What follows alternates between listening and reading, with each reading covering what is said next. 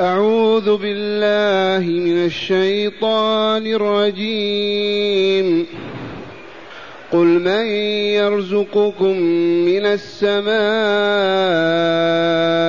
والأرض أم من يملك السمع والأبصار أمن يملك السمع والأبصار ومن يخرج الحي من الميت ويخرج الميت من الحي ويخرج الميت من الحي ومن يدبر الأمر فسيقولون الله فقل أفلا تتقون فذلكم الله ربكم الحق. فماذا بعد الحق إلا الضلال؟ فأنا تصرفون. كذلك حقت كلمة ربك على الذين فسقوا. كذلك حقت كلمة ربك على الذين فسقوا أنهم لا يؤمنون. معاشر المستمعين والمستمعات من المؤمنين والمؤمنات قول ربنا جل ذكره قل من يرزقكم من السماء والأرض؟ من الآمر؟ الله جل جلاله. قل من المأمور؟ رسول الله صلى الله عليه وسلم. إذا ثبت أنه لا إله إلا الله وأن محمد رسول الله. الله الآمر والرسول المأمور. إذا فالله حي قيوم موجود ومحمد نبي ورسول. وهذا تعليم من الله لرسوله. كيف يحاج المشركين ويبطل باطلهم؟ كيف يجادلهم ويأخذ بأيديهم إلى الحق؟ لأنه مأمور بالإبلاغ. فربه تعالى يقول قل لهم من يرزقكم من السماء والأرض؟ يقولون عيسى موسى هاشم عدنان اللات العزى والله ما يستطيعون أن يقولوا غير الله. يكذبون يعني من يرزقكم من السماء والأرض من ينزل الأمطار من السماء من ينبت الحبوب والزروع والنباتات في الأرض. يستطيع أن يقول هبل أو اللات والله ما يقولون. وهذا تقرير معنى لا إله إلا الله. فما دام لا خالق ولا رازق إلا هو كيف يعبد غيره؟ قل من يرزقكم من السماء والأرض أم من يملك السمع والأبصار؟ تعرفون نعمة السمع والبصر؟ من أجل النعم فإذا فقد المرء سمعه أصبح كالحجر كيف يسمع الإنسان؟ هذه الأجهزة الدقيقة التي في أذنه من كونها؟ من فطرها؟ كيف الأصوات تتموج وتدخل في الأذن ونسمعها؟ دلونا كيف؟ والله لولا الله ما سمعنا والأبصار كذلك أعيننا هذه المضغة من اللحم كيف تبصر لولا الله أرادها أن تبصر. والله ما تبصر. هذه الجدران تبصر الجدار أعظم من لحم هذه اللحمة في الوجه ولكن الله أراد أن يبصر عباده ويسمعوا من أجل أن يعبدوه لا من أجل أن يكفروا به ويعصوه. نعمة من أجل النعم السمع والبصر. ووحد الأبصار وجمع الأبصار ووحد السمع لأن السمع صوت فقط واحد ما يتكرر. وأما الأبصار العين تبصر الحيوانات على اختلافها والموجودات على تلونها متعددة. فلهذا قال أما يملك السمع والأبصار جمع بصر. ما قال أمن يملك الأسماع كما قال الأبصار لأن السمع شيء واحد صوت تسمعه الأذن. ثانيا ومن يخرج الحي من الميت النواة نواة التمر ميتة في ماذا؟ كهذه الأصبع. يخرج الله منها نخلة إلى عنان السماء. النواة قطعة من خشب ميتة يخرج الله منها النخلة ذات الأقنية والعراجين والتمام. أخرج ميتا من الحي. والنخلة نفسها رطبها وتمرها يخرج الميت أيضا. يخرج الميت من الحي والحي من الميت. وقل هذا في فرخ الدجاج. الدجاج حية. يخرج منها بيضة ميتة. والبيضة ميتة يخرج منها فرخا حيا وهكذا تدبير من هذا. لو تجتمع البشرية كلها على أن تجد حياة والله ما تجدها ولا تقدر عليها. الكافر ميت أبو جهل ميت أخرج الله منه عكرمة من سادات الأحياء. أليس كذلك؟ يخرج الحي من الميت والميت من الحي. ومن يدبر الأمر؟ هل يستطيعون أن يقولون اللات والعزى لا والله. يطأطئون رؤوسهم ويسكتون. حتى يقولوا الله لأنهم يؤمنون بوجود الله ربا وإلها ويعبدونه بالحج والعمرة. ولكن زينت لهم الشياطين عبادة الأصنام والتماثيل وزينت لهم عبادتها بأنواع من العبادات تحت عنوان الاستشفاع. تستشفع لهم عند الله فيقضي حوائجهم ويدفع عنهم المكروه. قل من يرزقكم من السماء والأرض أم من يملك السمع والأبصار ومن يخرج الحي من الميت ويخرج الميت من الحي ومن يدبر الأمر؟ هذا الكون الله يحيي ويميت يعطي ويمنع يعز ويذل يصحر ويمرض يملك ويسلب. هذا الكون يولج الليل في النهار ويولج النهار في الليل. هذه الفصول وهذه الانوار وهذه الحياة من يدبرها؟ اللات يعني؟ أو عبد القادر الجيلاني أو عيسى بن مريم. من يقوى على هذا؟ يخجل المرء أن يقول فلان. كيف فلان؟ فلم يبق إلا أن نقول الله.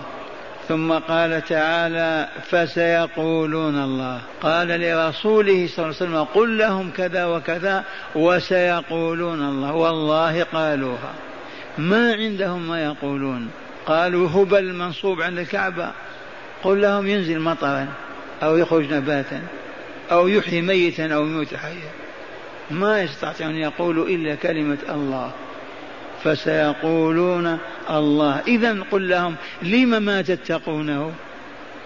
أفلا تتقون إذا تعرفون أنه هو الخالق الرازق المعطي المانع الضار المانع المفيت المميت المحيي وتعبدون غيره. لم ما تعبدونه إذا ماذا أصابكم؟ أفلا تتقونه؟ معاشر الأبناء والإخوان بما يتقى الله. دلونا يرحمكم الله بالحصون يعني والأسوار العالية بالجيوش الجرارة بالمكر والحيل بما يتقى الله فقط بطاعته في أمر ونهي. إن أردت أن تتقي سخطه عقاب عذابه غضبه أطعه تذلل له واطرح بين يديه. وافعل ما يأمرك به واترك ما ينهاك عنه. وأمر الرسول من أمر الله ونهي الرسول من نهي الله. إذ الله تعالى يقول ومن يطع الرسول فقد أطاع الله. إذ لا يأمر رسول الله ولا ينهى إلا بما يحب الله ويكره الله. أفلا تتقون؟ ما المانع لكم أن تتقوا وقد عرفتم أنه لا إله لكم غيره ولا رب سواه. ثم قال لهم فذلكم الله ربكم الحق. فذلكم الذي أمرناكم بتقوى وطاعته هو فذلكم الله ربكم الحق الذي لا رب غيره ولا إله سواه. أما آلهة منسوبة بالباطل فلا قيمة لها ولا وزن عند الله ليست بالإله الحق. فالإله الحق المعبود الحق هو الله خالق الكون كله ومدبر الحياة كلها. فذلكم الله ربكم الحق. فماذا بعد الحق؟ إلا الضلال. أفحمهم أسكتهم ذلكم المدبر المحيي المميت المعطي المانع الذي يفعل كذا وكذا. هو ربكم الحق. فماذا بعد الحق؟ إذا كان هو الحق. فيه حق آخر ما فيه إلا الضلال. ولطيفة هنا من هذه الآية. قيل لمالك رحمه الله إمام دار الهجرة الأغاني الأغاني تجوز أو لا تجوز؟ بدأ الناس يغنون ترف المال فقال هل الأغاني حق؟ قالوا لا. قال إذا فما بعد الحق إلا الضلال. استشهد بالآية. فماذا بعد الحق إلا الضلال؟ الكيرم والشطرنج وهذه الألعاب سئل غير واحد. هل هذه حق؟ قالوا لا. إذا فماذا بعد الحق؟ فهي ضلال. فإما أن يكون القول أو الفعل حقا وإما أن يكون باطلا. فلهذا ما أحقه الله ورسوله فهو الحق وما أبطله الله ورسوله فهو الباطل. فماذا بعد الحق إلا الضلال؟ إذا فأنا تصرفون. كيف تصرفون عن الحق وعن جادته والصراط المستقيم تعرفون هذا وتصرفون عنه؟ ما المانع؟ ما الصارف لكم؟ فأنا تصرفون. وأخيرا يقول تعالى لهم كذلك حقت كلمة ربك على الذين فسقوا. إنهم أنهم لا يؤمنون. هكذا حقت وجبت كلمة ربك وهي لأملأن جهنم من من الجنة والناس أجمعين. حقت كلمة ربك على أن من توغل في الفسق والفجور لا يهتدي. وهؤلاء يتضلعوا في عبادة الأصنام والتماثيل. فلهذا لا يهتدون لا يؤمنون. حسب سنته تعالى أن الشخص إذا رغب في الشيء وأقبل عليه وأعطاه كله واستمر على ذلك ما يرجع. ما يرجع أبدا. تمضي فيه سنة الله أن يمشي على ذلك. فالذين توغلوا في الفسق بالكفر بالله ورسوله والخروج عن طاعة الله ورسوله ما يهتدون يموتون على الكفر والعياذ بالله. والآية تحذر من الاستمرار على معصية الله ورسوله. وتأملوا. كذلك حقت كلمة ربك على الذين فسقوا بأنهم لا يؤمنون. تقدير محذوف نعم بأنهم لا يؤمنون. لماذا فتحت الهمزة لأنهم لا يؤمنون. وجبت لهم النار. لماذا؟ لأنهم لا يؤمنون. ما يرجعون أبدا. ما سبب عدم رجوعهم؟ توغلهم في الكفر وضربهم في مجالات بعيدة في الفسق والفجور. مرة أخيرة معاشر المؤمنين والمؤمنات لا نستمر على الفسق والخروج عن الطاعة فإن هذه حال تؤذن بأننا نموت على سوء الخاتمة. هكذا يقول تعالى قل من يرزقكم من السماء والأرض أم من يملك السمع والأبصار ومن يخرج الحي من الميت ويخرج الميت من الحي ومن يدبر الأمر فسيقولون الله. إذا قل أفلا تتقون؟ بعد علمكم ومعرفتكم لم ما تتقون؟ فذلكم الله ربكم الحق. فماذا بعد الحق إلا الضلال؟ فأنا تصرفون. كيف تبعدون عن الحق بعد معرفته؟ كذلك حقت كلمة ربك على الذين فسقوا أنهم لا يؤمنون. هذا الفسق هنا توغل فيه والضرب البعيد. ما هو فسق مرة أو مرتين. والآن أسمعكم شرح الآيات من الكتاب. معنى الآيات قال المؤلف غفر الله له ولكم ورحم وإياكم ما زال السياق سياق الآيات في تقرير عقيدة التوحيد وتثبيتها بأن لا يعبد إلا الله.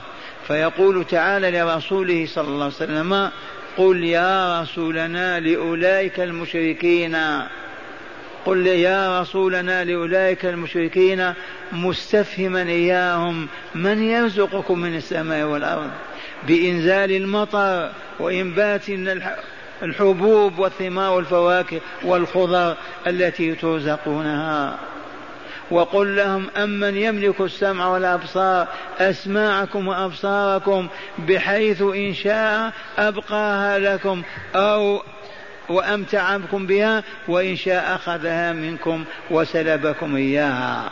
فأنتم عمي لا تبصرون وصم لا تسمعون. ومن يخرج الحي من الميت كالفرخ من البيضة ويخرج الميت من الحي كالبيض من الدجاجة والنخل من النواة والنواة من النخلة.